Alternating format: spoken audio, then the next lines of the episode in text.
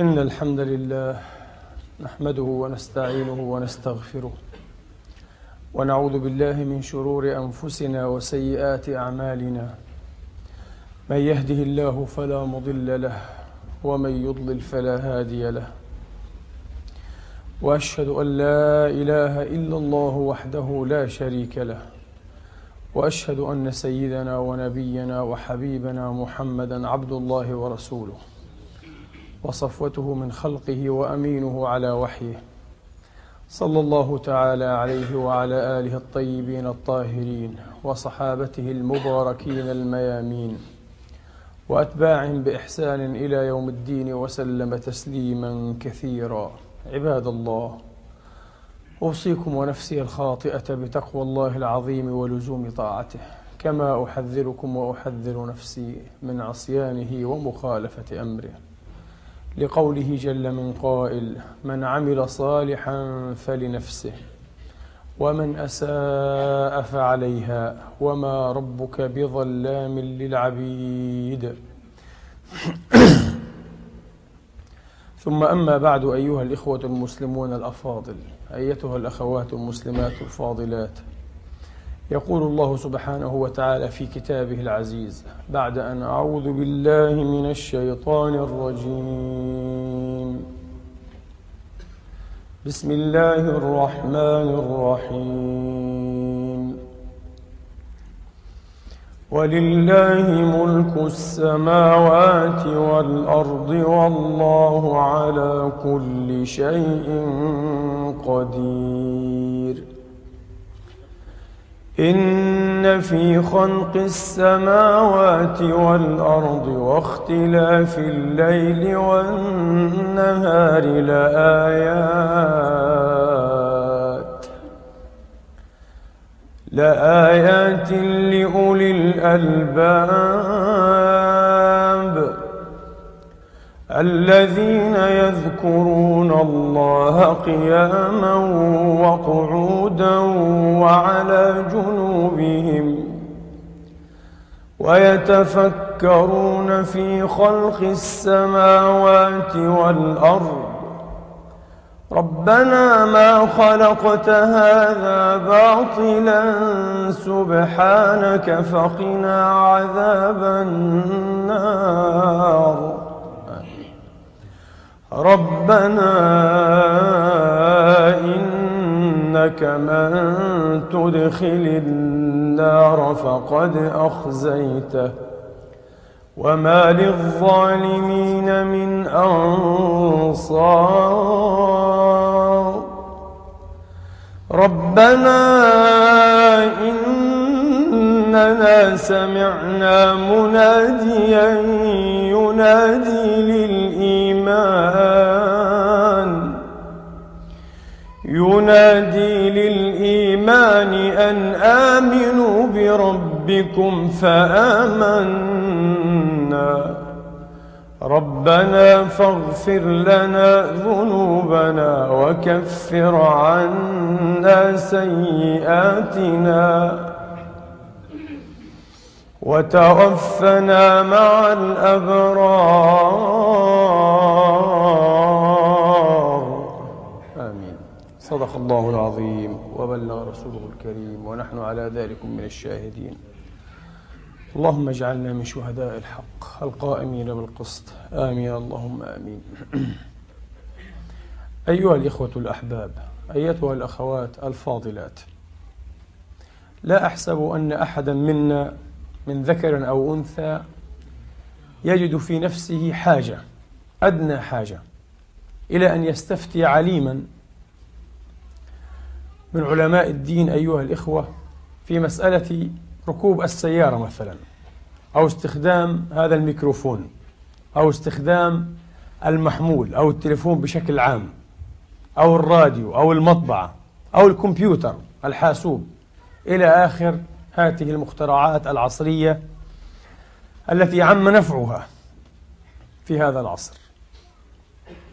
ولو أن أحدا تقدم بفتوى أيها الإخوة إلى أحد العلماء في واحدة من هذه المخترعات أو في واحد من هذه الاختراعات لظن أن في عقله شيئا.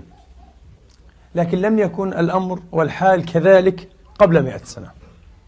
كل هذه الأمور ونظائرها كانت تخضع للفتوى والاستفتاء وبشكل سجالي وجدلي ويثير مشاكل. يعني أيها الإخوة قد لا يتصور من لم يدرس التاريخ المعاصر بدقة تاريخ العرب المعاصر بدقة مثلا أن موحد الجزيرة العربية المرحوم الملك عبد العزيز رحمه الله تعالى آل سعود قد واجه وجابه مشكلات جمة كادت تطوح به. جعلته مضطرا في نهاية الأمر أيها الإخوة إلى أن يقدم اقتراحا بتنازله عن مهامه وعن منصبه كملك وحد الجزيرة وقدم في ذلك ما قدم أيها الإخوة يعني في صورة لتجديد الثقة عليه وهذا ما حدث في الرياض بسبب ماذا؟ بسبب مشروعه التحديثي وبالذات ربما مسألة التلغراف أو ما يعرف بالبرق السلكي واللاسلكي أكثر مسألة ألحت عليه كاد يفشل كل شيء بسبب موقف المشايخ أيها الإخوة والعوام من البرق من التلغراف يعني. قالوا هذا شيء جديد وهذه بدعة كفرية لا نعرفها وينكسر لها خاطر العامة. يكتب واحد من أكبر علماء الشيخ هو الشيخ المرحوم محمد بن عبد اللطيف رحمه الله تعالى. يكتب رسائل كثيرة إلى الملك عبد العزيز وفي ضمن هذه الرسائل طبعا فتاوى نبر إلى الله تبارك وتعالى. نبر إلى الله تبارك وتعالى من أن نفتي بحل هذا الشيء. هذا البرق الذي تريدون أن تضعوه في الرياض وفيما بين القرى والمناطق. نبر إلى الله أن نفتي به. لماذا؟ ما هو مستند هذه الفتوى العجيبة بالنسبة لعصرها لم تكن عجيبة كانت بالعكس عادية تماما. العجيب هو أن تستجيز أه؟ أو تشرع لموضوع السلكي واللاسلكي كان عجيبا جدا هذا. كان عجيبا جدا. كتب الشيخ يقول لما ذكرنا لكم من البلايا والطوام الكبرى التي تترتب على ذلك ومن ضمنها انكسار خاطر العامة الجماهير غضبانون الجماهير مكسورون خاطرهم منكسر لأجل هذا البرق هذه البدعة الشنيعة. طبعا مواقف مشابهة تماما أيها الإخوة إزاء قضية السيارة. العرب هذه المتحركة العجيبة التي يحدثنا عالم الاجتماع العراقي الشهير المرحوم علي الوردي رحمة الله عليه في كتابه الفذ لمحات اجتماعية من تاريخ العراق الحديث بأجزائه السبعة والثمانية. يقول رحمة الله عليه وفي سنة 1908 دخلت أول سيارة بغداد فخرج أهل بغداد عن بكرة أبيهم ليتفرجوا عليها ويتعجبوا منها. وجعل بعضهم أيها الإخوة ينظر تحتها ليكتشف ويرى قوائم الفرس الحصان المختبئ في داخلها على زعمهم.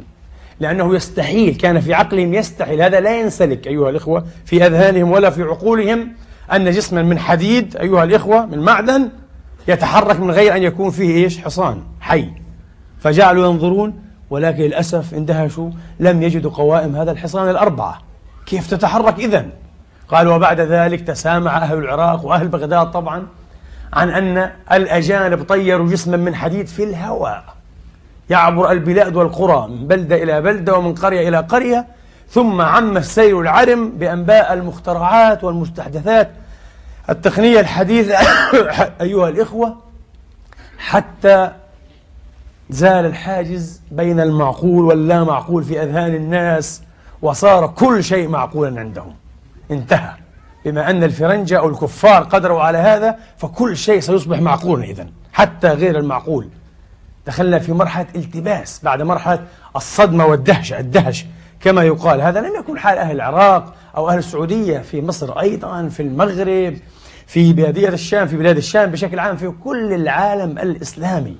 هذا التلغراف علماء وإمة كبار سودوا مصنفات أيها الإخوة. كتبوا مصنفات وسودوا مئات الصفحات يتكلموا عليه يتكلمون عليه بين محلل ومحرب وبين متوقف. كتب فيه علامة الشام محمد جمال الدين القاسمي المجتهد الكبير. كتب فيه علامة مصر المفتي الأصولي البارع محمد بخيت المطيعي رحمة الله تعالى عليه. آه للشيخ محمد عليش المالكي وهو من أصل مغربي الشيخ الأزهر الكبير. كلامه في التلغراف. الشيخ ابن سودة المغربي له كلام في التلغراف. محمد الحجوي الثعالبي الفاسي صاحب الفكر السامي له رسالة في حكم التلغراف. كثيرون غيرهم تكلموا في موضوع التلغراف تحليلا وتحريما وتوقفا واشتباها أيها الإخوة لالتباس الموضوع. نعم. البارود أيها الإخوة والمدافع كان لابد آه، لابد بين يدي استخدامها من استصدار فتاوى بحل ذلك وإلا فهي بدعة في الدين. فيستفتي السلطان محمد الرابع رحمة الله عليه سلطان المغرب أو ملك المغرب آه. الشيوخ وخاصة شيخ الجماعة عنده محمد بن الخياط آه. يستفتيهم هل يجوز أن نستخدم المدافع لضرب الكفار وضرب أعداء الأمة أم لا يجوز فتنازلوا بحمد الله وكتبوا مع أنه بدعة حادثة في الدين لم تكن معروفة أيام سيد المرسلين لكنها جائزة إن شاء الله لاندراجها تحت قوله تبارك وتعالى وأعدوا لهم ما استطعتم من قوة ومن رباط الخيل وقول النبي ألا إن القوة الرمي ألا إن القوة الرمي ألا إن القوة الرمي وهذا من باب الرمي فنرمي نحن بالمدافع فهذا جائز وإلا ما كان جائزا. يا ويلتا للمسلمين يا لله ويا العقل ويا الحداثة آه للمسلمين. لو لم يكن لدينا مثلا هذا النص كنا سنحرم هذا؟ ما دخل هذا أصلا بموضوع البدعة في الدين. بدعة أو غير بدعة هذا ليس من شؤون البدع إطلاقا. هذا من موضوعات المدنية من موضوعات الحياة اليومية. لا علاقة للبدعة بهذا الموضوع. البدعة أمر. طبعا لا نريد أن ندخل الآن في نقاش أصولي. سيفضي بنا إيه إلى نقاش أصولي فقهي مطول. على كل حال لكن هذا ليس إيه مما يصح أن يوصف. لا بأنه بدعة ولا بأنه ليس بدعة. هذا ليس شأنا دينيا. هذا شأن مديني. شأن حضاري أيها الإخوة يومي. آه للأسف كان لابد من استصدار فتوى. كان لابد من استصدار فتاوى وهذه قصة طويلة معركة في الفقه. للأسف الحديث بخصوص اللباس العسكري. بعضهم حرمه وأطلق فيه كلاما أيها الإخوة جعله كفرا والعياذ بالله لأنه تشبه بالكفار. تشبه بالكفار والملاحدة أعداء هذه الأمة. فلا يجوز أن نتشبه بهم. بعضهم وهو الشيخ العلامة الإمام المحدث الفقيه الجليل محمد بن جعفر الكتاني رحمة الله عليه. صاحب الرسالة المستطرفة والكتب الكثيرة المعروفة. علامة كبير. هذا يكتب أيها الإخوة فتوى رحمة الله تعالى عليه. هو ابن عصره. لا ينبغي لأحد منا أن يسخر منهم. انتبهوا اسخروا من أنفسكم. نحن هنا جئنا اليوم لنسخر من أنفسنا لا لنسخر منهم. كانوا أبناء عصرهم. آه. نحن أجدر بالسخرية. لما ستسمعون بعد قليل من هؤلاء؟ هم عكسوا عصرهم وترجموا روحيته ومزاجه ونطقوا بأمانة عن أحوالهم وخلفياتهم. العلمية والثقافية والفكرية أيها الإخوة لا ينبغي أن يسخر منهم وهم علماء أجلاء بلا شك أيها الإخوة حتى بمقياس عصرنا في علم الدين هم أئمة كبار جدا جدا. قل نظيرهم وقل إيه؟ ضريعهم. لكن للأسف هذا ما كان. يكتب كلاما أيها الإخوة في حكم اللباس والأثواب المخيطة. في بلاد الغرب. إذا خاطها الغربيون. آه. أو إذا خاطتها في الحقيقة ماكينات الغربيين. ما حكمها؟ آه. بعضهم حرم ذلك. واعتبرها منجسة. ولا يجوز والعياذ بالله. أشياء وفتاوى غريبة جدا. حدثت إخواني قبل ربما شهرين أو ثلاثة عن شيء أعجب من هذا كله. عن قصة سنبور الماء الفاسرهان هذا. ربما أكثرنا لا, لا يعني لا يعرف أيها الإخوة ولم يسمع لماذا تسمى بالحنفية. يسميها أكثر العرب في مصر قطعا وفي الشام يسمونها الحنفية صنبور الماء هذا. لماذا يسمى بالحنفية؟ تعلمون لماذا؟ لأنه حين آه، شارعت الدولة في مصر في القرن التاسع عشر في تمديد في بعض المناطق في نطاق محصور وضيق تمديد أيها الإخوة إمدادات مائية لبعض المساجد والمحال العامة وأحيانا بعض البيوت المترفة. ثارت ثائرة السادة الشافعية وحلفهم في ذلك المالكية أيضا. لماذا؟ لأن السادة الشافعية فقهاء الشافعية علماء الشافعية في مصر كانوا هم المسؤولين والمستفيدين من قضية السقاية سقاية الماء مثل السقة الآن في المغرب العربي الذي يبيع الماء في الشوارع آه. فماء السقي هذا كان يباع في الشوارع ويوزع هم كانوا مسؤولين عن هذه إيه؟ عن هذه المهمة العظيمة والآن قضية صنبور الماء والحنفيات هذه ستضيع عليهم ماذا؟ كل هذا الرزق آه. لم يكونوا صريحين أنا أعجبني مثلا بصراحة جريئة جدا وصراحة شجاعة. عالم كبير ومنجم. وهو الدنماركي تيخو براها. أحد العلماء أحد الأخطاب الأربعة أو الخمسة الذين اعتبرهم نيوتن العمالقة الذين رأى أبعد مما رأوا لأنه وقف على أكتافهم. منهم تيخو براها. تيخو براها كتب بشكل واضح. ومثله كبلر أيضا. وأمه كانت إيه تتعاطى التنجيم واتهمت بالسحر. آه. كتب بشكل واضح إن الله الجليل العزيز بحكمته. الذي قدر للنجوم أن تسير في مساراتها العتيدة قدر لبعض الناس أيضا بعلم الرديف يعني علم التنجيم ال astrology. هو يتحدث عن ال astronomy ثم عن ال astrology. قدر لبعض الناس بعلم الرديف أن يكسبوا أرزاقهم. قالوا أنا منهم. قال هذا بحكمة الله. الله خلق التنجيم عشان إحنا نعيش كمان. كان صريحا. كان يقول لنا أنا لست أؤمن بهذا إيه الخرافة بهذه الخرافة وبهذا العلم إيه الزائف ال pseudo science يعني علم زائف كاذب لكن نحن نرتزق منه. يا ليت أن العلماء كانوا مثل هذه الصراحة ليقول لنا هذا يقطع أرزاقنا يقطع مصالحنا لا نريد أن نعطيها رخصة شرعية. لكنهم ادعوا الكلام باسم الشرع أيها الإخوة وحرموا استخدام الحنفيات. سنفهم لماذا؟ حرموا استخدام صنابير الماء. آه. الشافعية ومن ورائهم الملكية. قالوا لا يجوز حرام شرعا. والوضوء إذا توضأت من في مسجد أو في أي مكان من ماء هذا الصنبور وضوءك باطل وبالتالي الصلاة باطلة. فسد الدين كله انتبه. طبعا عشان يبيع يشتري هو. آه. هذه المشكلة. بعض الناس لا يعرف هذا. يظن أنه هذا عالم يتكلم بنزاهة نبي يعني دائما. ليس صحيحا هذا دائما. ليس صحيحا في كثير من الأحيان ومن الأحوال للأسف الشديد. نعم. من الذين شذوا ووقفوا موقفا مخالفا؟ السادة الحنفية. قالوا هذا غير صحيح وهذا كلام فارغ. آه. ليس لهم مصلحة طبعا. كلام فارغ هذا شيء ممتاز من علامات المدنية وييسر للناس إيش؟ أمور حياتهم. فسموها الحنفية لأن الحنفية أجازوها. وإلى اليوم تسمى الحنفية وهذه قصة الحنفية. لأن الأحناف لم يحرموها. قالوا يجوز. البصر هذا جائز ها؟ حنفية الماء. سموها الحنفية. إلى اليوم تسمى الحنفية يعني الأحناف يعني. آه مسألة أحناف هذه. آه هكذا أيها الإخوة. مسألة عجيبة جدا جدا. في تاريخنا القريب أيها الإخوة. في تاريخنا القريب. شيء من أعجب ما يكون. أيها الإخوة إن شخصا فردا منا ذكرا كان أم أنثى يمر بتجربة زيجة مضطربة أو صداقة فاشلة خائبة مرشح أكثر من غيره سيما إذا تكرر ذلك معه غير مرة أن يطور آراء متطرفة في موضوع الصداقة وموضوع الزواج. انتبهوا. كلكم تعلمون هذا. أن فلانا أه؟ أيها الإخوة يعني قد طور آراء غير طبيعية غير معتادة وغير مقبولة متشددة متطرفة فعلا. آه، في موضوع الزواج في موضوع المرأة. لأنه مر بتجربتين أو ثلاث تجارب فاشلة. بعضها تجارب خيانات زوجية. تفهمون هذا دون أن تقولوا هذا له تجاملونه. تفهمون هذا تماما وترشحونه لأن ينطلق من هذا إيه؟ المنطلق إيه؟ غير الصحيح غير الموضوع غير العلمي. نفهم هذا تماما. وكذلك في مختلف إيه؟ القضايا الأخرى. ليست الجماعات بدعا أيها الإخوة في هذا الميدان. نفس الشيء. ما يحصل على الفرد أه يحصل للجماعات أيضا. فإذا كان الفرد يتأثر بتجربته الفردية كما يتأثر بحالته. يعني المصاب بعاهة بدنية قطعا يصدر في أمور كثيرة أيها الإخوة. عن ماذا؟ عن تأثره بحالته. كثير جدا من آرائه من آرائه تعكس تأثره بحالته.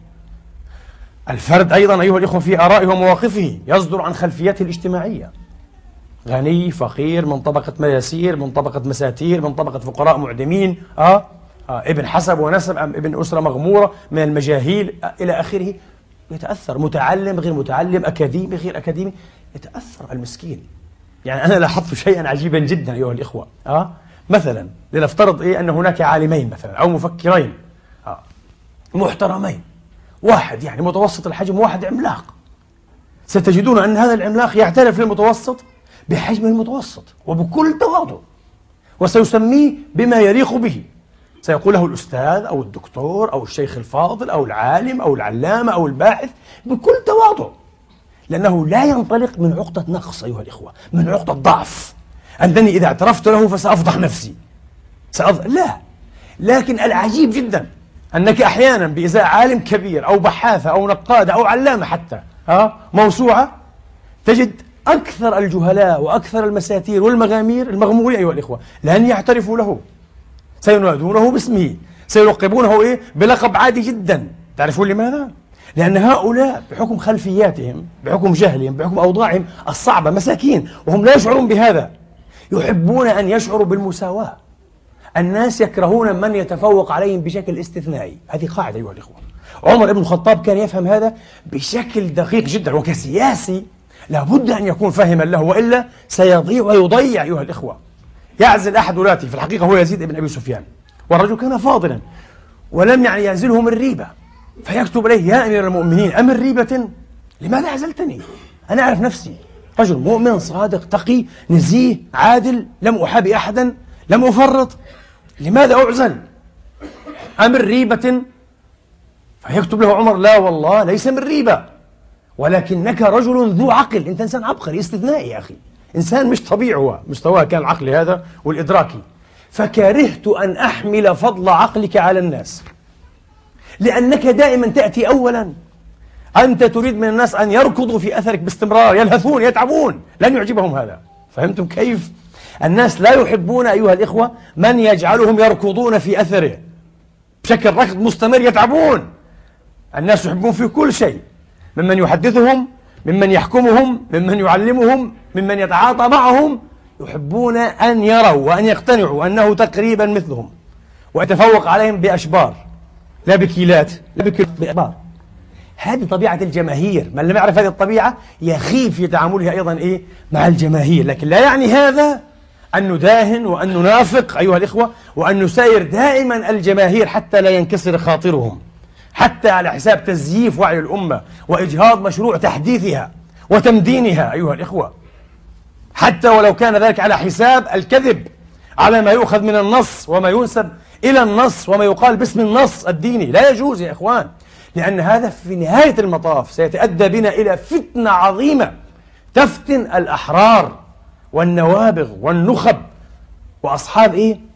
وأصحاب العراك الفكري والحراك أيها الإخوة المعنوي. ستفتنهم عن الدين. سيرون أن هذا الدين فعلا لا يصلح لأمثالهم إنما يصلح لهؤلاء الأغمار ولهؤلاء الجهال. وهذه خطة ليست جي يعني جيدة أيها الإخوة ليست خطة مستحسنة بأي حال من الأحوال. يقول بعضكم ما الداعي لهذا الكلام؟ هل هناك ما يشي؟ أيها الإخوة بانتشار أو بسيادة هذه الروح في عصرنا في أيامنا طبعا هي لم لم تزل موجودة. للأسف الشديد في عالمنا الإسلامي بالذات الذي نستطيع أن نقول أجهدت نهضته ولم يستطع أن ينجز نهضة حقيقية للأسف في القرون إيه؟ الثلاثة أو حتى الاثنين الأخيرين. هذا العالم يتعرض لطفرات أيها الإخوة وانبثاقات مقلقة ومتعبة. كل فترة وفترة أيها الإخوة بعد أن يسجل حظا بسيطا لا يحسد عليه من التقدم والنهوض يرتكس ركسة عجيبة جدا جدا. ليس في جملته ولكن في شكل طفرات كما قلت. هنا وهناك في العالم العجمي في العالم إيه العربي تؤذن وتشي بأن هذا العالم ليس بخير. يعني ما معنى أيها الإخوة؟ ما معنى أن يصدر لنا أو تصدر عفوا فتوى عن رئيس كلية كذا كذا. كلية شرعية رئيس وعميد كلية. عميد كلية كذا كذا بجامعة كذا. لن نصفها لأنها ستصبح معروفة حتى لو كانت معروفة لا بأس يعني. بأعرق الجامعات الإسلامية في العالم الإسلامي قبل زهاء سنة فقط. الكل تبع هذا طبعا في التلفزيون وفي الإنترنت وفي الصحائف. فضيحة جدا. وصلت تعرفون إلى؟ بعضنا ربما لم يسمع لكن الأمريكان يعرفون هذا الشعب الأمريكي يعرف هذا التايم تعرف هذا. نعم.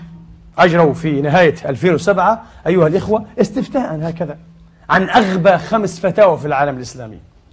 بدأوا يتكلمون عن الفتاوى العالم الإسلامي. لكي تعكس مدى ما شاء الله التفكير الراقي الصافي للنخبة للعلماء الكبار للمشايخ العالم الإسلامي. مشايخ رسميين خريجون من جامعات راقية جدا جدا وعمداء لكليات شرعية فيها. يكتب أحدهم فتوى إذا الرجل أتى أهله تعرفون المقصود عريانين رأى منها ورأت منه فقد طلقت منه. تنفصل عنه بالكامل. طبعا جن جنون المؤسسة الدينية نفسها هذا لا يطبع إيه؟ مثلا الأزهر بهذا الشيء. حاشا لله. الأزهر فيه علماء كبار وكثار متنورون وواعون ومتعمقون. جنجنون ما هذا ما هذا الخرف؟ لكن لي تعليقان هنا. أولا الخرف لم يبدأ الآن. ولم يبدأ مع هذه الفتوى. الخرف بدأ حين وسد هذا المنصب الكبير لهذا المخرف الصغير. كيف وصل هذا ليكون عميد كلية كذا؟ من الذي عمده؟ من الذي أعطاه؟ كيف جرى اختباره أصلا؟ كيف برهن علمه هذا الرجل؟ والشيء الثاني الذي أحب أن أقوله هذه الفتوى لا تستحق أصلا أيها الإخوة سطرا واحدا في تزييفها. أن تزيفها فقهيا ونصوصيا لا تستحق أيها الإخوة إطلاقا إطلاقا. تراثنا طبعا الفقهي الزاخر الخصب في أيامه الأولى أو حتى أيامه الوسيطة. كان سابقا لهذا التخلف ولهذه الرجعية أيها الإخوة بمسافات فلكية مسافات ضوئية. أخجل هنا من على المنبر أن أذكر لكم ماذا كتب أبو بكر ابن العربي رحمة الله عليه في أحكام القرآن. التفسير الفقهي الذي دبجه دبجته وراعة هذا الإمام العلام الكبير الذي فسر القرآن في تفسير آخر أيها الإخوة أو في كتاب آخر في ثمانين ألف ورقة يعني 160 ألف صفحة. يعني 320 مجلد كل مجلد 500 صفحة. ما رأيكم؟ ابن العربي هذا يكتب عن ضوابط الحياة الجنسية بطريقة يعني الآن أكبر علماني وأكبر معاصر وتحديثي سيعتبر نفسه متخلفا أمامها. ما رأيكم؟ طبعا أستحي أن أقول لكم ماذا كتب لكن الرجل كان يصدر عن فقه إمامي. إمام هذا إمام هذا ليس مخرفا صغيرا. إمام يفهم ما هو الإسلام. لا يمكن أن يحمل كل الحماقات والرجعية والجهل. وسوء الفهم والعقد النفسية والاجتماعية يا أخي والحضارية على الدين. يقول الدين يقول هذا الدين يفتي بهذا. الآن نسمع عن بعضهم أو عن بعضهن بالأحرى نساء إن صدق ذلك لكن لابد أن نتحقق ممن تحرم الكراسي والكنبات. وتكتب في هذا فتاوى. وتوصف بالعلم والأعلمية أيها الإخوة. وطبعا التبريرات جنونية. جنونية حقيقية. شخصيات أنا أقول لكم لابد أن نبحث لا عن خلفية العلمية لأنه لا علم أصلا.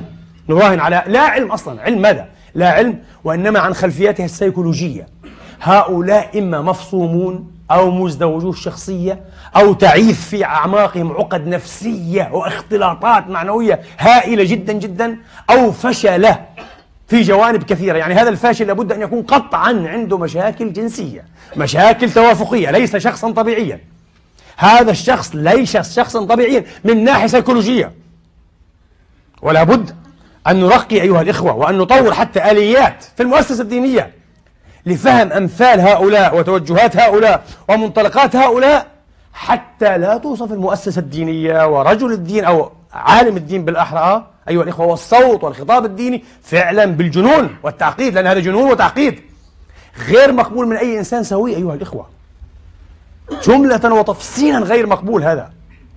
إطلاقا. أدنى من هذا وأقل من هذا. إصرار بعض العلماء إلى اليوم. ولم يفعلوا هذا في فتوى في صفحة نصف صفحة. يكتبون كتبا في ذلك أيها الإخوة. كتبا. تستغرق عشرات الصفحات وتكلف مئات الآلاف من جيوب المسلمين الذين يشترون إيه؟ لا أدري. هذا الغثاء. سأسميه فقط سأنعته بأي بالغثائية. الصواعق الشديدة على أهل الهيئة الجديدة. ما هي الهيئة الجديدة؟ يا أخي ما هذا التخلف حتى في المصطلح هيئة جديدة؟ لو لو لم تكن قارئا لتاريخ العلوم لن تفهم ما معنى الهيئة الجديدة. هيئة ماذا يعني؟ اجتماعية إيه؟ ما معنى هيئة؟ علم الفلك يعني. جاي الهيئة الجديدة. ما عاد يسمى هيئة جديدة يا حبيبي. صح نومك يا شيخ. تعيش في القرن الخامس عشر الهجري تسمي علم الفلك أسترونومي الهيئة الجديدة. يا أخي هذا أجداد أجدادنا كانوا يسمونه هكذا. هذه لغة عصرهم. أين لغتك أنت؟ ما هذا العته يا أخي؟ الهيئة الجديدة. ليس هذا المشكلة. فليسمي الهيئة الجديدة القديمة. لا يهمنا. يسمي علم الفلك الحديث آه بالهيئة الجديدة. طبعا هذا إذا يأتي واحد يقول له آخر الحقائق الكوزمولوجية سيحتار المسكين. خلاص أنت سيضيع. cosmology شو cosmology. لا يعرف شيء هو. هيئة جديدة. آه. هو قرأ علم الفلك الذي ألفه اليونان وتعليقات وإضافات المسلمين عليه وجاء يحاكم إليه إيش؟ علوم العصر اليوم. شيء مضحك ومحزن أيها الإخوة. هذا الشيخ علامة كبير سعودي علامة حقيقة هو بالمعنى التقليدي علامة ومحدث كبير. الشيخ حمود بن عبد الله التويجري حمود هكذا اسمه رحمة الله عليه. الشيخ حمود يكتب هذا الكتاب. من يعني توجهات هذا الكتاب الإنكار الشديد والتحريم الراعد الرهيب أيها الإخوة للقول أو لقول أو لرأي دوران الأرض. لا يجوز بتة أن يصرح أحدنا أو يعتقد أو يظن أن الأرض تدور. لكن يا أخي تدور وصوروها تدور انتهى كل شيء. إذا أنت أصريت على أنها لا تدور وأصررت على أن هذا القرآن سيرفض كل عاقل القرآن. انتبهوا. أحب أن أقول للمتعصبين من إخواننا وأبنائنا في العالم الإسلامي كله ولمن يسمع هذا الكلام أنت حر أن تتعصب إلى ما شئت. عادي ما في مشكلة. تعصب بهذا القدر أيها الإخوة وعند هذه المرحلة يسمى انتحارا عقليا. أنت حر أن تنتحر عقليا. لكن لست حرا أن تنحر الآخرين. لست حرا أن تضحي الكتاب والدين. باسم انغلاقك وتعصبك وانتحارك المعنوي هذا. لست حرا. لست حرا أن تصد الناس عن سبيل الله وعن كتابه وأن تجعلهم يعرضون عنه ويجفونه أيها الإخوة راضين قانعين. فعلا حق له أن يجفى هذا الكتاب. لأنه كتاب خرافة. أدلة كثيرة أن الأرض ثابتة. لا تتحرك. يذكرنا هذا أيها الإخوة. لذلك هذه ليست خصيصة. إن صح أن تسمى خصيصة أصلا للأمة الإسلامية. كل الأمم في فترات انحطاطها وضعفها وتراجعها وجمودها وتقليديتها تمر بهذه المراحل. الغرب مر بها. وإلى وقت قريب جدا. يعني هذا ليس امتيازا لنا بالسلب طبعا ليس امتيازا بالسلب لنا. حتى هم مروا بذلك. نفس الشيء كوبرنيكوس في ثورته الكبرى. يعني من أيام بطليموس أيها الإخوة إلى كوبرنيكوس. الكل يعتقد أن الأرض ثابتة وهي مركز الكون. geocentrism ها النظرية آه التي تتحدث عن مركزية الأرض. نظرية مركزية الأرض. geocentrism. كلهم يعتقدون بهذا. هو قلب قال لا. مركز الكون الشمس. طبعا هو أخطأ. حتى الشمس ليست مركز الكون لكن تقدم خطوة ونحو الحقيقة. قال الأرض مجرد كوكب تابع للشمس. الشمس في المنتصف وهي ثابتة. هيليوسنتريزم ها؟ نظرية مركزية الشمس. والأرض ضمن الكواكب الأخرى تدور حول الشمس. طبعا نفس الشيء. حكموا بهرطقته وبتكفيره لكن الرجل إيه؟ طبع كتابه حتى بعد وفاته. لم يقدم لأي محكمة تفتيش لظروف المهم أخرى. آه. لماذا عرضوه؟ قالوا لأنه في الكتاب المقدس نفس الطريقة نفس طريقة المسلمين. هذه نفس طريقة المتدين حين ينحط انتبهوا ليس فرقا بين يهودي ومسيحي ومسلم. كل متدين حين ينحط آه يفكر بطريقة مشابهة. انتبهوا هذا هو. لا تظن أن الانحطاط الإسلامي هو رقي لأنه باسم القرآن هو انحطاط أيضا. انتبهوا. آه لأنه باسم الحديث الحديث النبوي اللي قال هيك. في البخاري ومسلم انتبهوا ما بال هذا الرجل يتكلم. انحطاط. تتكلم بهذه العقلية هذا انحطاط يا حبيبي. لن يشفع لك. لا يشفع لك إلا تعصبك وانتحارك العقلي. هذا كان وهذا ليس شفيعا حقيقيا. هذا ليس شفيعا. هذا يساهم في مزيد من الانحطاط. انتبهوا. فلماذا؟ قالوا لأنه في الكتاب المقدس يوشع بن نون غلام موسى هذا حين أوقف حركة الزمان هو لم يقل الأرض قفي لأن الأرض واقفة هو قال للشمس مكتوب هكذا. وفي كل شروح الكتاب المقدس العهد القديم يوشع بن نون هو أمر الشمس أن تقف. فكيف تقول الشمس ثابتة والأرض متحركة؟ كفر ضد الكتاب المقدس. الشيخ محمود التويجري طبعا ليس وحده رحمة الله عليه أيضا الشيخ العلامة عبد العزيز بن عبد الله بن ابن باز رحمة الله عليه مفتي السعودية في وقته. نفسه عنده طبعا فتوى في مجموع فتاواه. نفس الشيء وقوله شديد جدا جدا جدا على من يقول بحركة الأرض. الأرض لا تتحرك. والأرض ثابتة. والقرآن هو الشاهد. الكل يحيل على القرآن كما قال أبو العلاء المعري. الكل يقول أقوالا متناقضة والكل يحيل على القرآن. كما الآن نتناقض ونحيل على النبي. النبي قال هذا يا أخي سمعته آه ما هو الحديث الصحيح. طب الصحيح يتناقض مع الصحيح ماذا نفعل؟ ماذا نفعل يا أخي؟ يحبون إيه؟ أن يجعلوا الناس مجانين أو أن يكفروا الناس أو أن يجعلوا الناس منغلقين متعصبين يقبلون التناقضات دون أن يملكوا صلاحية السؤال. عن سر هذه التناقضات. ممنوع أن تسأل. ممنوع أن تعترض. ممنوع أن تتساءل. اقبل ما لا يقبل. افهم ما لا يفهم. اسلك في ذهنك ما لا ينسلك. لتكون مؤمنا كأن الإيمان الآن أصبح يتعين ويتبرهن أيها الإخوة بالغباء. هذا هو. الإيمان أصبح يساوي الغباء. كن غبيا لتكون مؤمنا. أليس هذا ما يعني كان ولا يزال علماؤنا يذكرون به في إنكارهم على النصارى؟ أن أن شعار علماء النصارى أطفئ مصباح عقلك واتبعني. إيه ما أصبحنا نفس الشيء الآن. أطفئ مصباح عقلك. حدثت إخواني في درس السبت المنصرم. حديث المسخ والمسوخ أيها الإخوة. أحاديث صحيحة ثابتة من رواية ابن مسعود.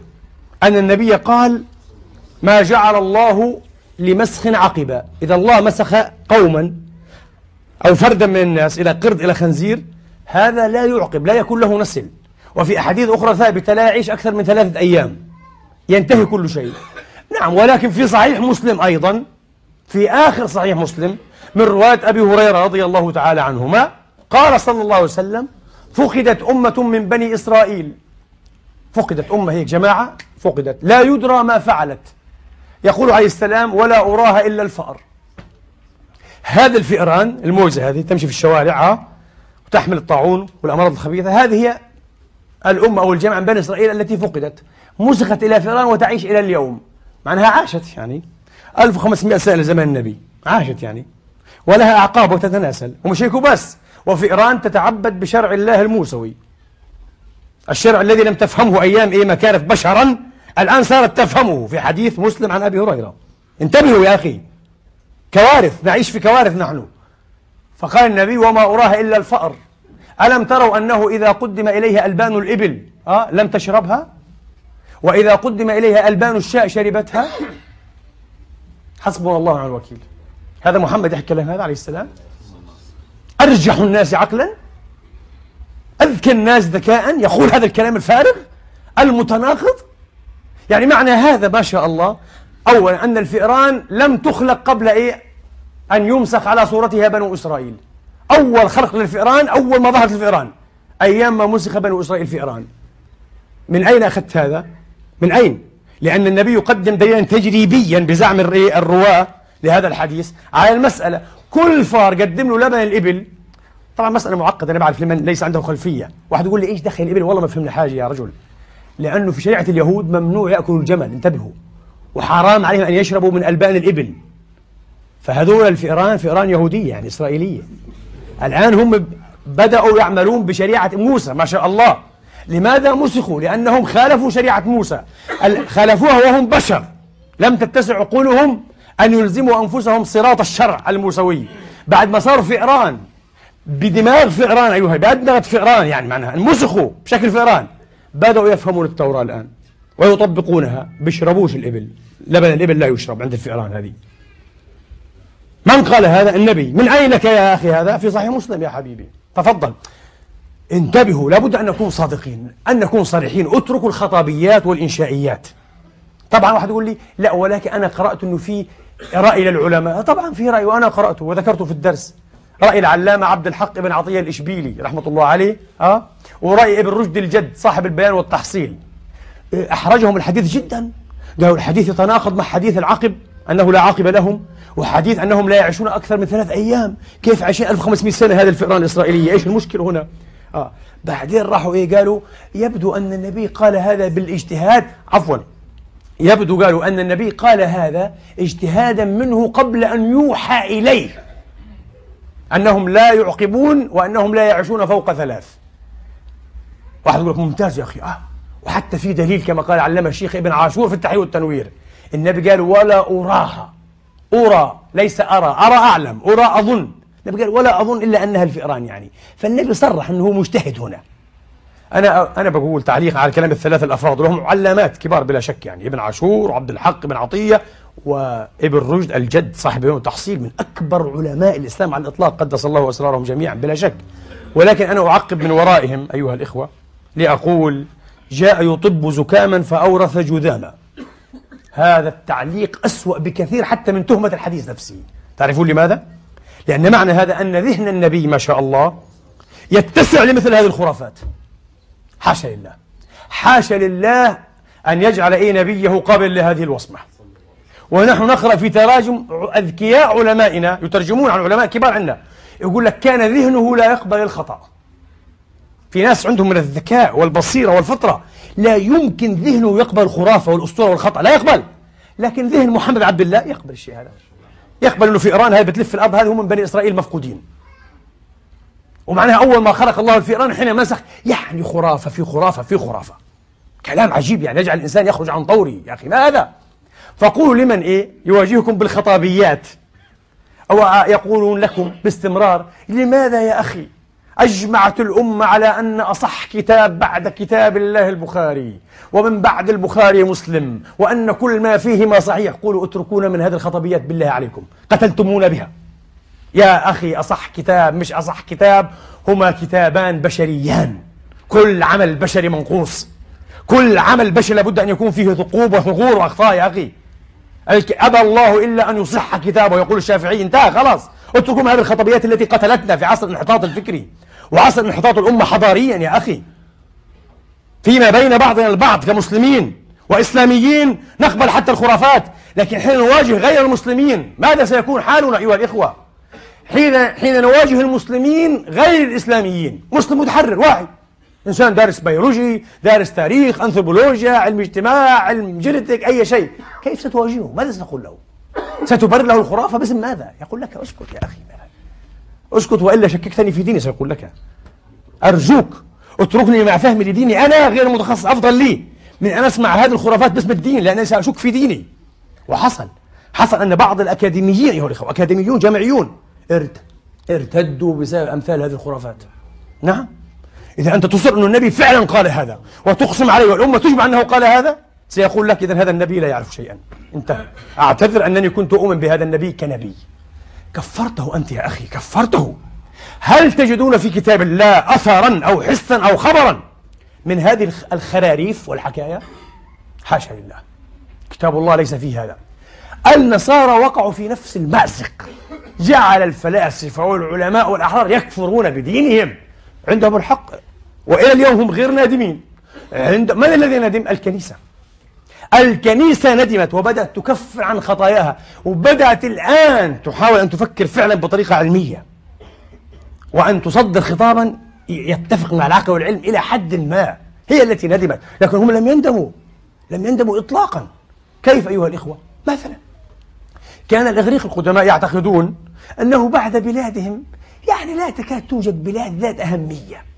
كانوا يسمون تلك الجهة الشرقية اللي فيها الصين بالذات آه بلاد الرياح الموسمية آه بلاد الرياح إيه؟ الموسمية. لا يعرفون عنها إلا القليل القليل وهي داخلة ضمن إيه؟ البرابرة. وجاء بعد ذلك إيه؟ المسيحيون أيها الإخوة إلى العصر الوسيط إلى القرن الخامس عشر ها؟ وظلوا يعتقدون أن المسيح الفلسطيني الجليلي الناصري إنما بعث وبحسب رسالة بولس الرسول إلى أهل الرومية أيها الإخوة لكي يبلغ صوته الأسقاع وتبشيره البلاد البعيدة. ووضع على الصليب من أجل خلاصهم. بعدين جاءت نظرية كروية الأرض. قالوا الأرض كروية. الأرض مش هيك مش مسطح مش بساط كروية. فطرحت تحديا جديا حقيقيا. قض مضاجع إيه؟ الكنيسة والكنسيين. ما هو؟ أها إذا كانت كروية إذا في هناك جهة أخرى مقابلة للجهة التي نقطنها. تسمى باللاتينية الأنتيبود. الأنتيبود هي الجهة الأخرى من الأرض. افترض عاد كنسية الآن وطوروا علم عندهم علم الجغرافيا هذه. لابد أن يكون الأنتيبود خاليا. مستحيل أن يكون فيه سكان. لأن بولس الرسول قال كذا كذا ما سمعتم ما تلوت عليكم.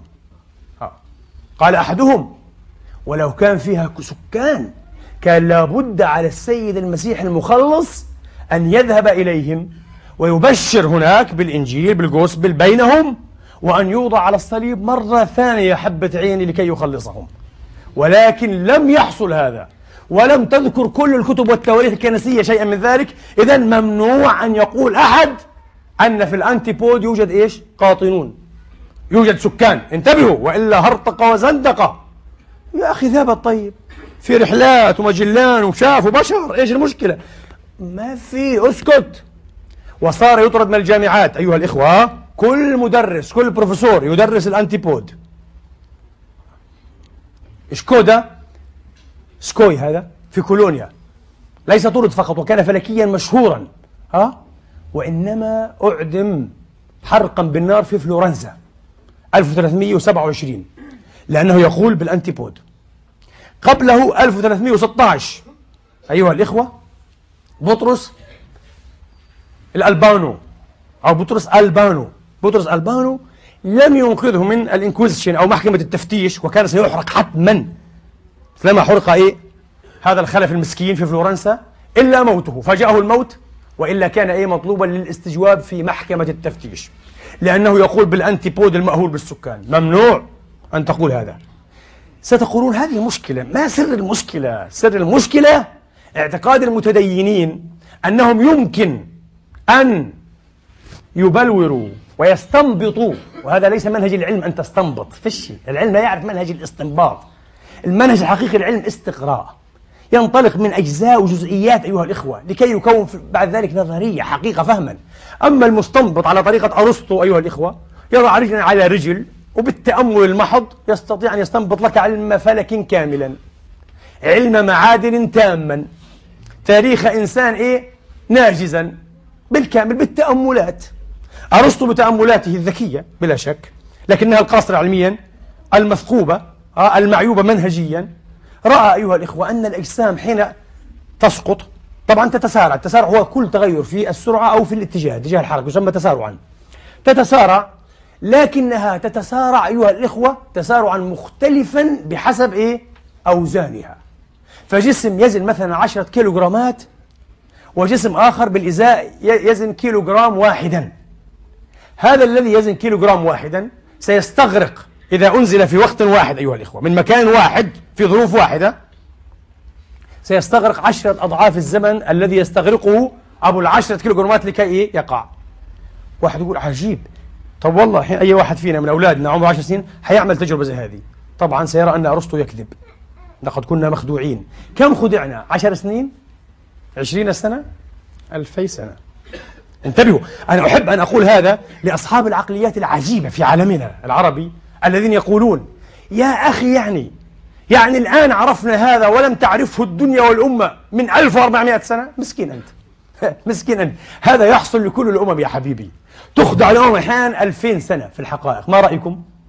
وطبعا 2000 سنة لا يقال إن كل من برز فيها كانوا من أغبياء بالعكس علماء كبار ومخترعون وفلاسفة ومفكرون وشعراء ورجال دين.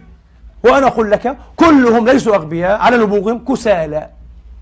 اجى واحد نشيط شوي عنده يعني hyper activity يمكن ربما كان يعني شوية فرط نشاط هيك بس هو شرير ومش مؤدب حقيقة. اسمه جاليليو جاليلي جاليلاي بسموه هنا آه جاليلي اجى قال أنا بدي أشوف. هو كان استاذا في جامعة بيزا. قال بدي أجرب طيب. طلع على برج بيزا المائل هذا وسقط قطعة من الرصاص. قطعة رصاص وقطعة إيه؟ بمثل إيه؟ وزنها عشر مرات. في ظروف واحدة مفرغة من الهواء. ونزلها نزلت في نفس الوقت. قال لهم شيخنا أرسطو مع احترامنا وتقديسنا له غلطان. قالوا أنت شرير. أنت إنسان شرير. آه. طبعا أنا ألاحظ أيها الإخوة أن الناس عموما يتهمون الذكاء آه يتهمونه. ويستريبون في الذكاء الشديد. انتبه. انت لاحظ حتى موقفك. في أي إنسان أو أي إنسانة شديد الذكاء مش ذكاء عادي شديد الذكاء. سوف ترى أنك تحبذ عدم الاقتراب منه. أحسن لصاحبه ولا يصاحبني لأنه الذكاء يتهم. بالذكاء هذا ممكن يخدعني يضحك علي يعمل لي ورطة كبيرة مش داري ها وبيطلع منها. الذكاء يتهم ويستراب أيوة ويشي عند الناس بالشر تماما كالجمال الفائق. إذا جمال رجل أو جمال امرأة وهو جمال فائق جدا أيها الإخوة دائما يذكر بماذا؟ بالفتنة ويذكر بالخطيئة فيتهم أيضا ويستنكر ويتهم أصحابه ويؤفكون بالأفاك والعظائم ظلما لماذا؟ تقولون هذا شيء طبيعي يا أخي خطأ في التعميم أو إفراط في التعميم وخطأ في الاستدلال والقياس غير صحيح تعلمون لماذا؟ لأن أبسط عامي يعلم أن من عباد الله الأخيار من هو شديد الذكاء مفرط الذكاء ويعلم ذلك. وأنه من الأخيار وهو على ذلك من الأخيار. وأن من عباد الله وإماء الله من هم ومن هن شديدات وفائقات الحسن والجمال إلا أنهن من العفيفات الصينات.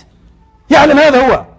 لكن ما القضية؟ القضية ليست إفراطا في التعميم أو خطأ في القياس. القضية مرة أخرى أن الناس لا يحبون من يفوقهم كثيرا. انتبهتم؟ نفس النموذج في التفسير. يحبون إيش؟ من يشعرهم بأنهم طبيعيون ومن يؤكد أنه ضمن المعيار ضمن ال standard. تكون فوق ال standard ولذلك انتبهوا في قضية النبوة بالذات. بعض الناس طرح سؤالا لن أقول غبيا لن أقول ذكيا لكن هذا السؤال لم يعي هذه الحقيقة التي إيش؟ أقررها الآن لم يعيها لم يفهمها. السائل لم يفهم هذه الحقيقة وطرح سؤالا. لماذا لم يشأ الله تبارك وتعالى أن يجعل نبي كل إنسان ورسول كل امرئ مكلف من نفسه هل يتعاجز هذا الله عز وجل؟ ربنا كان قادر يجعل لكل واحد فينا نبيه ورسوله من نفسه من الداخل ما يبعثكاش واحد من خارج واسمه محمد بن عبد الله ومش عارف إيه كذا كذا وعيسى وموسى أه آه. من نفسك تعلمون لماذا؟ لحكمتين جليلتين. القرآن هذا سؤال فلسفي حقيقة وعنده بعد اجتماعي وبعد سيكولوجي سؤال معقد حقيقة آه. لكن ما بقول ذكي ما بقول غبي أول شيء لأن الله شاء أن يجعل في قضية التكليف وواسطة التكليف وهم الأنبياء والرسل ابتلاء. مسألة ابتلائية هي. قال وكذلك فتنا بعضهم ببعض ليقولوا أهؤلاء من الله عليهم من بيننا؟ ليش هو؟ مش أنا. لو كان هو خلاص رسول نفسي انتهى الأمور فيش فيها ابتلاء انتهى. الله لا. بنى الأمر على الابتلاء على الامتحان واحد يقول لي والله هذا السؤال هنا في الغرب يثربون عليه كثيرا عن هذا الجواب والتبرير. ابتلاء واختبار يفهمون الغربيون يفهمون أو بعضهم من فلسفة الابتلاء الإسلامية أن الله يحب أن يضللنا يحب أن يزلق أقدامنا. قال لك يا عشان بده خلينا نغلط يعني. لا يا حبيبي. الذي أفهمه أنا كمسلم ويفهمه كل مسلم ومسلمة أن الله يريد ويحب من خلال ذلك أن يتبرر مسلكك بتبرر اختيارك. لازم يتبرر إيمانك. لازم تفهم لماذا أنت مؤمن. مش لأن الناس آمنوا سأؤمن. انتبهوا. مش تقليدا لأبي وأمي وشيخي وأستاذي وجماعتي وأهل بلدي لا. وهذا لا يكون إلا بعد إيه؟ اختبار. في الاختبار تبرز المسؤولية انتبهوا هذا الذي يريده الله تبارك وتعالى وكل إنسان آه الآن عليه أن يعود ليعلم مدى تبرر إيمانه وبالتالي مدى تبرر مسلكه في الحياة هذه القضية آه. لكن الحكمة الثانية عاد وإذا شاء الله تبارك وتعالى أن تكون الأمور على هذا النحو من الابتلاء والاختبار أه؟ في نفس الوقت فإنه لم يخلها من اللطف لا إله إلا هو لأنه لو نصب واحدا أيها الإخوة لو نصب واحدا أن يكون نبيا وكان في مجمل سلوكه مثلنا يخطئ ويصيب ويرتكب الصغائر والكبائر وهو في ذكائه متوسط standard وفي كل شيء standard لما صدقه الناس. فكان لابد أن يكون النبي يناسب أيها الإخوة من جهة ويفارق من جهة. فإذا قلت إنه بشر بلا شك هو بشر. وإن قلت إنه فوق البشر فهو باعتبارات معينة فوق البشر. صحيح. هذه ضرورة سيكولوجية أيها الإخوة. لكن واحد يقول لي طيب ما علاقة هذا بما ذكرت؟ علاقة هذا أن الناس يكرهون الذي يكون فوقهم ولا يدينون له ولا يسلمون له. فلماذا يسلمون في قضية النبوة؟ لمبرر واحد أنها من عند الله وبسم الله. الله يقول لك هذه المرة هذا مش عبقري مش فيلسوف مش مصلح وثائر اجتماعي هذا الرسول أرسلته أنا. اسمع له وأطع. وستفعل وإلا تغامر بآخرتك. الله كان يعلم هذا. وإلا كان يقدر عز وجل يبعث أنبياء في شكل فلاسفة مثل سقراط الذي يظن بعضهم أنه نبي. حتى بعض الصوفية المسلمون الكبار آه المسلمين الكبار يظنون أن سقراط كان من الأنبياء. آه. على كل حال كان يقدر يبعث الأنبياء في شكل فلاسفة. ستفشل مهمتهم. سيفقد اللطف الإلهي. هذه على كل حال قضية ثانية. أعود أيها الإخوة إلى أصل موضوعنا. أصل الموضوع كالتالي. ماذا أحب أن أقول من خلال هذه الجولة المتعبة المرهقة ربما؟ أحب أن أقول أيها الإخوة المسألة لا تتعلق بالنص الديني بمقدار ما تتعلق بالخلفية الثقافية للفرد والحضارية للأمة بشكل عام. كل دورة حضارية أيها الإخوة نستطيع من خلالها ومن خلال سياقاتها أن نفهم توجهات النخبة فيها. شيء طبيعي هذا. لكن طبعا الفرق بين أمة ناهضة وأمة منحطة أو تنحط ما هو؟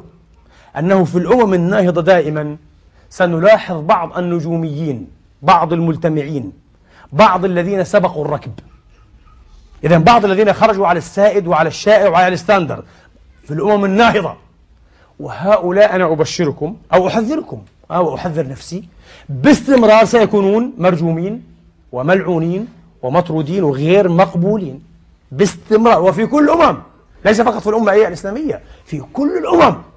لكنهم وعلى الدوام وباستمرار في المستقبل في الغد ضمانة تحريك وإنهاض هذه الأمة.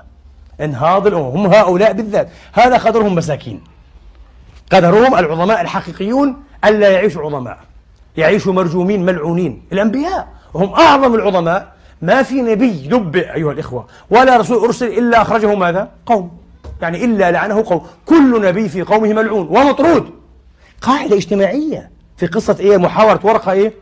مع رسول الله. قال له عوم مخرجي. إلى آخره تعرفون هذا؟ وهذا يحدث للذين يسيرون في دروب إيه؟ الإصلاح ذاتها. في طرق الإصلاح أيها الإخوة والتثوير نفسها وعينها يحصل نفس الشيء ويتكرر بالاستمرار لكن المشكلة أيها الإخوة حين يأتي بعض من يتكلم باسم الدين وباسم النص لكي يفهم العالمين مش حتى المسلمين يحب أن يفهم العالمين. آه، أن هذا هو جوهر الدين. قبلتم أبيتم رضيتم كفرتم به لا يعنينا. هذا هو ديننا. وبالتالي نغامر فعلا مغامرة جحا كما أشار شيخنا محمد غزالي رحمة الله عليه فعلا في إخسار صفقتنا. حين أراد جحا أن يبيع حمارا أكرمكم الله وأعزكم جميعا وأعزكم حمارا فارها يعني آه، يصلح البيع مباشرة. ممتاز الحمار. آه، مقبول. آه. وعرضه بسعر زهيد جدا. قال أربعة دراهم. طبعا تكاثر عليه الناس. الكل يريد أن يشتري ويفوز بهذه الصفقة الرابحة. قال ولكن هو أربعة دراهم ولكن البردعة الوكاف هذا أو الإكاف يعني. الإكاف أو البردعة لابد أيضا من بيعها معه. قال ما في مشكلة. هو أربعة دراهم هذا ربما إيش؟ عشر درهم يعني ولا؟ آه. فقال لا هذه بمئتي درهم. هذه بمئتي درهم. الصفقة واحدة. ما فيش تفريق. قالوا يا جحا هداك الله. آه. غفر الله لك يعني فرق. من أحب أن يشتري البردعة الممتازة هذه الملوكية يشتريها قال لا إلا مع البردعة. فأبى الناس حمار جحا وبردعته. هذا ما يحدث مع المسلمين الآن. يعرض القرآن في عظمته في ريادته في تجدده. في شبابه أيها الإخوة في تألقه في إطلاقيته مع بعض النصوص الأخرى. شيء من التاريخ شيء ينسب للنبي شيء بسند شيء بغير سند شيء هو آراء العلماء أمثالنا بشر يأكلون ويشربون ويموتون أيها الإخوة ها؟ ويضعفون ويفشلون ويخفقون على أنه صفقة واحدة. هذا الإسلام هذا الدين. وإما إسلام ولا إسلام سيقول لك العالم المتحرر الواعي لا إسلام. هذه الصفقة لا نقبلها. بهذه البردعة بهذا الإكاف لا نقبلها. وهم على حق أيها الإخوة. هم على حق. لذلك بعض الناس سأضرب لكم مثالا بسيطا. بعض الناس يغضب. ما أذكى وما أغبى ما, إيه؟ ما جاءني من ردود أفعال. يغضب لمجرد إعادة النظر والبحث في قضية مثلا عائشة. طبعا تعلمون لم يفعل هذا ولم يفعله غيرنا بحمد الله. وجدنا أنفسنا مسبوقين بعشرات الباحثين بحث الموضوع بفضل الله. وأكثرهم غير متهم على دينه وعلى أمته وعلى نبيه وحب نبيه بفضل الله تبارك وتعالى. والله قرأت قبل أيام لأول مرة لعلامة التاريخ المصري العلامة المؤرخ العملاق حسين مؤنس رحمة الله عليه الذي كتب كتبا وترجم بثمان لغات لأنه كان علامة مجتهدا في التاريخ. يكتب في كتابه تنقية مصادر الإسلام التاريخية. يكتب يعني متسائلا بمرار المسكين العلامة الكبير مؤرخ الإسلام. لماذا قال؟ ولصالح من تسوق روايات ويصر على صحتها أن النبي تزوج عائشة بنت ست أو سبع أو دخل بها بعد ذلك يقول ودخل بها وهي بنت تسع يقول على كل حال لا تزال طفلة صغيرة. قال لصالح من؟ قال لا لكن نحن مؤرخي منصوب على الاختصاص. لكن نحن مؤرخي الإسلام الثقات يشير إلى نفسه وإلى جماعة. أثبتنا وبرهنا. أنها كانت لا تقل عن تسعة عشرة سنة. حاولت أن أبحث أنا قرأت له الكثير بفضل الله هذا الرجل. لم أجد أين. لكن بعد ذلك عثرت على أنباء أن هذا أثار بعض علماء الأزهر وسخطوا على الشيخ حسين مؤنس الدكتور حسين مؤنس. ويستطيع أن يسمى شيخا لأنه رجل إسلامي يا جماعة محب للإسلام. ولتاريخ الإسلام وغيور جدا رحمة الله عليه. وهو صاحب المشروع الضخم الذي أنجز لأول مرة في تاريخ ثقافتنا الجغرافية التاريخية. أطلس تاريخ الإسلام. هو المدير والمسؤول المشرف عليه رحمة الله عليه رحمة واسعة. أضخم عمل علمي في بابه. حسين مؤنس غضبوا عليه غضبة أزهرية لا أقول مضرية. لماذا يفتح هذا الموضوع؟ كل عندهم محرمات. قفل قفل. تفكروا حالنا بنعيش في عصر الوصاية. الآن في عصر الإنترنت يا جماعة أصغر واحد غربي أو شرقي يستطيع أن يواجهك بكل النصوص اللي عندك. ومصورة بي دي اف من الإنترنت. يقول لك هذا البخاري وهذا مسلم وهذا أحمد. وترون هذا القصة القبط المصري زكريا آه؟ يفعل هذا مصورا. يقول لك هذا في صحيح مسلم صفحة كذا حديث كذا. ما في ما عاد تقول لي قفل قفل ما تقولش. ولا تحدث بها أهل البدع مش كلام انتهى. هذا العصر انتهى. انتبهوا. لكن بعض المشايخ يعيش في إيه؟ العصور. يظن أنه يمكن إيه؟ أن تخفى المعلومات. أسلوب صبياني أسلوب نعامي أو أسلوب النعامة يعني. تدفن رأسها في الرمال. وإن كانت هذه أسطورة أيضا. على كل حال لكن يمثل بها. فبعض الناس غضب غضب منا ومن غيرنا لماذا يفتح هذا الموضوع؟ لماذا يقال لا النبي تزوج وهي تسع سنوات؟ ليرضى من يرضى؟ أنا أقول لك مثل هذا الإنسان الذي يأخذ الموضوع بهذا الاستخفاف هو لا يهمه أن يكفر الناس بمحمد أو يؤمنوا به. لا يحمل هم أصلا لا خلاص البشرية ولا خلاص أمتي. أنا سأكون مقتنعا. آه، بهذا القول. للأسف لو كان يحمل في حين أخ حبيب ذكي أعجبني هذا المقال منه. قال لي والله أنا أقول لك شيئا. والله لو أنا وقفت على برهان واحد مضعضع يثبت أن عائشة لم تكن بنت تسع سنوات كانت بنت عشرين مثلا مضعضع. لتظاهرت بقبوله والتبشير به لأنني أعلم أن هذا يخدم قضية ديني وقضية دعوتي. قلت له كلامك في منتهى الذكاء وفي منتهى الحكمة. هذا رجل أوتي الحكمة لكن ذاك أوتي التعصب. مع إخلاصه ربما وحبه للنبي بس متعصب متعصب. آه. تسألهم طيب هل وقفتم على أدلة من قال بأنها لم تكن بنت تسعة هل قرأتموها؟ لا. نعارضها. طب لماذا؟ ولم تقرأوها. يقول لك لا. لن نقرأها وسنعارضها دون أن نقرأها. مثل هذه الأمة تبشر بخير تبشر بنهضة تبشر بحركة تبشر بدمار بمزيد من القتل والتذبيح والتكفير والإرهاب يا جماعة. مثل هذه العقول المغلقة العقول الصدئة الرثة. مخيفة هذه. حق لنا نحن المسلمين والإسلاميين أن نخاف منها أقسم بالله وأن نحذر منها.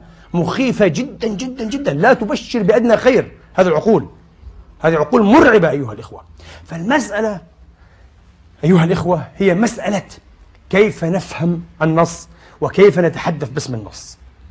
شيخ المفسرين في وقته العلامة الشهاب الآلوسي صاحب روح المعاني سخم الغربيين سخرية مرة حين ادعوا أنهم إيه؟ سيطيرون أجساما وكترا حديدية في الفضاء يعني في الهواء الطيارات. قال هذا كلام فارغ قال رؤوسي. آه. ويعني إيه أعرب عن استهجانه المطلق قال هذا لن يحصل. كلام فارغ. واحد يقول ها شوف لأنه عالم دين متخلف. لا لا لا الألوسي علامة كبير جدا وذكي جدا لكن ليس عالما طبيعيا. العجيب أن في الغرب العشرات من علماء الفيزياء والطبيعة أنكروا إمكانية الطائرة. إيش رأيكم؟ أنا عملت خطبة مرة عن الموضوع هذا. عملت خطبة عن موقف علماء الغرب من علماء الفيزياء والكيمياء والرياضيات وكذا والفلاسفة مثل هيجل وأتيت بأدلة ونصوص مسندة كلها أنا قرأتها في كتب إيه؟ القوم تؤكد إيه؟ أنهم كانوا يحيلون يحكمون باستحالة صنع طائرات أو صنع إيه؟ فضائيات يعني سفن فضائية مستحيل بأي أو الصواريخ بعضهم قال لك مستحيل بالمعنى الحديث للصاروخ مش بالصاروخ الصيني والإسلامي والمغولي لا أنكروا هذا هيجل أنكر إيه أن يكتشف مزيد كواكب مزيد كواكب. على ذكر الكواكب أحد مشايخ المسلمين وهو شيخ جماعة إسلامية كبرى رحمة الله عليه توفي رحمة الله قبل إيه؟ يعني زهاء عقدين. الله يرحمه رحمة واسعة. هذا الرجل فسر آية. أنا استمعت إليه. آه. فسر آية السماوات السبع. قال هي الكواكب النيرات السبع السوابح السبع هذه. ها الشمس طبعا أول واحدة هذه كلها. وبعدين هذه الأرض والزهرة وعطارد وكذا هذه السبع السبع فقط. ولا يعلم أنها أصبحت تسعا بل عشرا آه منذ إيه؟ مئات السنين. لا يعرف هذا المسكين. نفس الشيء حصل مع المسيحيي العصور الوسطى. قالوا جاليليو إحدى جرائمه أنه أثبت أن هناك سيارات أخرى غير السيارات السبع. قالوا هذه كارثة وتجديف وهرطقة حقيقية. لماذا؟ لأنه مذكور في الكتاب المقدس في رؤيا يوحنا اللاهوتي. من آخر أسفار الكتاب المقدس الجديد آه أنها سبع. كيف يتجارى؟ قال لي يقول أنا شفت بعيني أنها إيه أكثر من سبع. المسكين هذا نكبته نكبة قايل كمان بالمنظار تبعه المقراب بسموه التلسكوب شاف أن الشمس عليها شيء اسمه البقعة إلى اليوم تسمى البقعة هي الشمسية والكلف الشمسية. قالوا هذه هرطقة كمان. معناه أنه في بقع شمسية أن خلقة الله غير تامة. الشمس غير تامة معناها. ومنعوا في الجامعات أن يدرس موضوع البقعة الشمسية. واللي بيدرس هذا هو مهرطق يقدم لمحاكم التفتيش. تخلف باسم الدين. فما في مشكلة. يفعلها الألوسي. آه يفعلها إيه؟ كان سيول العصور الوسطى. ويفعلها العلماء. علماء الطبيعة. ما في مشكلة. لكن انتبهوا. حين يفعلها عالم الطبيعة يفعلها من منطلق غير منطلق عالم الدين. هنا الخطورة انتبهوا. الخطورة. عالم الطبيعة يفعلها ينكر إمكانية الطيران أو بناء سفينة للفضاء على أسس علمية أيضا طبيعية. بحسب محدوديته العلمية المسكين. أما عالم الدين دائما يفعل هذا استنادا إلى ماذا؟ إلى النص لأن الله قال هذا لأن النبي قال هذا. في الحقيقة الله لم يقل هذا والنبي لم يقل هذا. أنت الذي فهمت إيه؟ النص على هذه الطريقة. فتواضع وتراجع ولا تحمل النص دائما فهمك وتزعم أن فهمك يتعادل مع النص. النبي عليه السلام حين كان يبعث بعث مرة عبد الله بن بريدة بعث مرة الإمام علي الإمام علي حين بعثه إلى خيبر والحديث في الصحيحين. وبعدين قال له إيه؟ إن استنزلوك على حكم الله فلا تنزلهم على حكم الله. ما تقولش أنا أحكم بكم أحكم فيكم بحكم الله تبارك وتعالى. شوف التواضع النبوي بيعلمنا التواضع. ما تغتصبش النص الديني. ما تجعلش فهمك يعادل إيه؟ كلام الله تبارك وتعالى. ويتأدى بك هذا إلى تكفير الناس. وربما استباحة إيه أعناقهم ودمائهم وأعراضهم وأموالهم. إياك. ها هذا هذا طريق الزندقة الحقيقية. قال له فإنك لا تدري يا علي أتصيب حكم الله فيهم ها؟ أم لا؟ لا تدري. ولذلك أنزلهم على حكمك. قل لهم هذا أنا حكمي أنا. لذلك النبي في قضية بني قريظة. أنزلهم على حكم من؟ على حكم سعد بن معاذ. وقلنا نحن في الخطبة الماضية لو سعد حكم ببراءتهم سيبرئه النبي. هذه قضية تحكيم عادية تدخل الآن في شرعة القانون الدولي. مثلا. وبعضها في القانون الخاص ما في مشكلة. آه. أقول قولي هذا وأستغفر الله لي ولكم.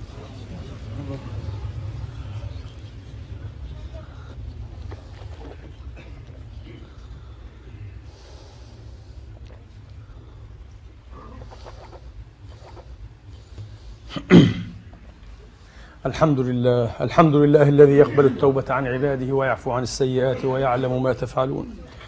ويستجيب الذين آمنوا وعملوا الصالحات ويزيدهم من فضله والكافرون لهم عذاب شديد. وأشهد أن لا إله إلا الله وحده لا شريك له وأشهد أن سيدنا ونبينا محمدا عبد الله ورسوله. صلى الله تعالى عليه وعلى آله وأصحابه وسلم تسليما كثيرا. أما بعد أيها الإخوة في يوم من الأيام محمد بن جابر بن سنان أحد فلكيي المسلمين العظام لا نسمع به كثيرا لكنه فلكي مشهور عند مؤرخي العلم. آه. هذا الرجل عمل 41 سنة متواصلة. 41 سنة متواصلة على دراسة حركات الأجرام السماوية ومساراتها. وبعد ذلك انتهت هذه المرحلة وهذه المسيرة الطويلة أكثر من 40 سنة إلى جداول وإحصاءات ومضابط أيها الإخوة. وقياسات في منتهى في منتهى الدقة أذهلت علماء الفلك المحدثين بدقتها لكنها جاءت بعد 41 سنة. لاحقا يأتي أبو الحسن المراكشي أحد علماء الفلك المسلمين ويعمل أيها الإخوة فترة طويلة لكن أقل من تلكم الفترة على 41 مدينة. هناك 41 سنة وهنا 41 مدينة تقع بين مراكش والقاهرة. ليحدد لها بدقة خطوط الطول والعرض ل 41 مدينة وهناك لأجرام السماء في 41 سنة. عمل علمي دقيق جدا جدا. ذكرني هذا بقول أحد إخواني قبل أيام لي عبر الهاتف.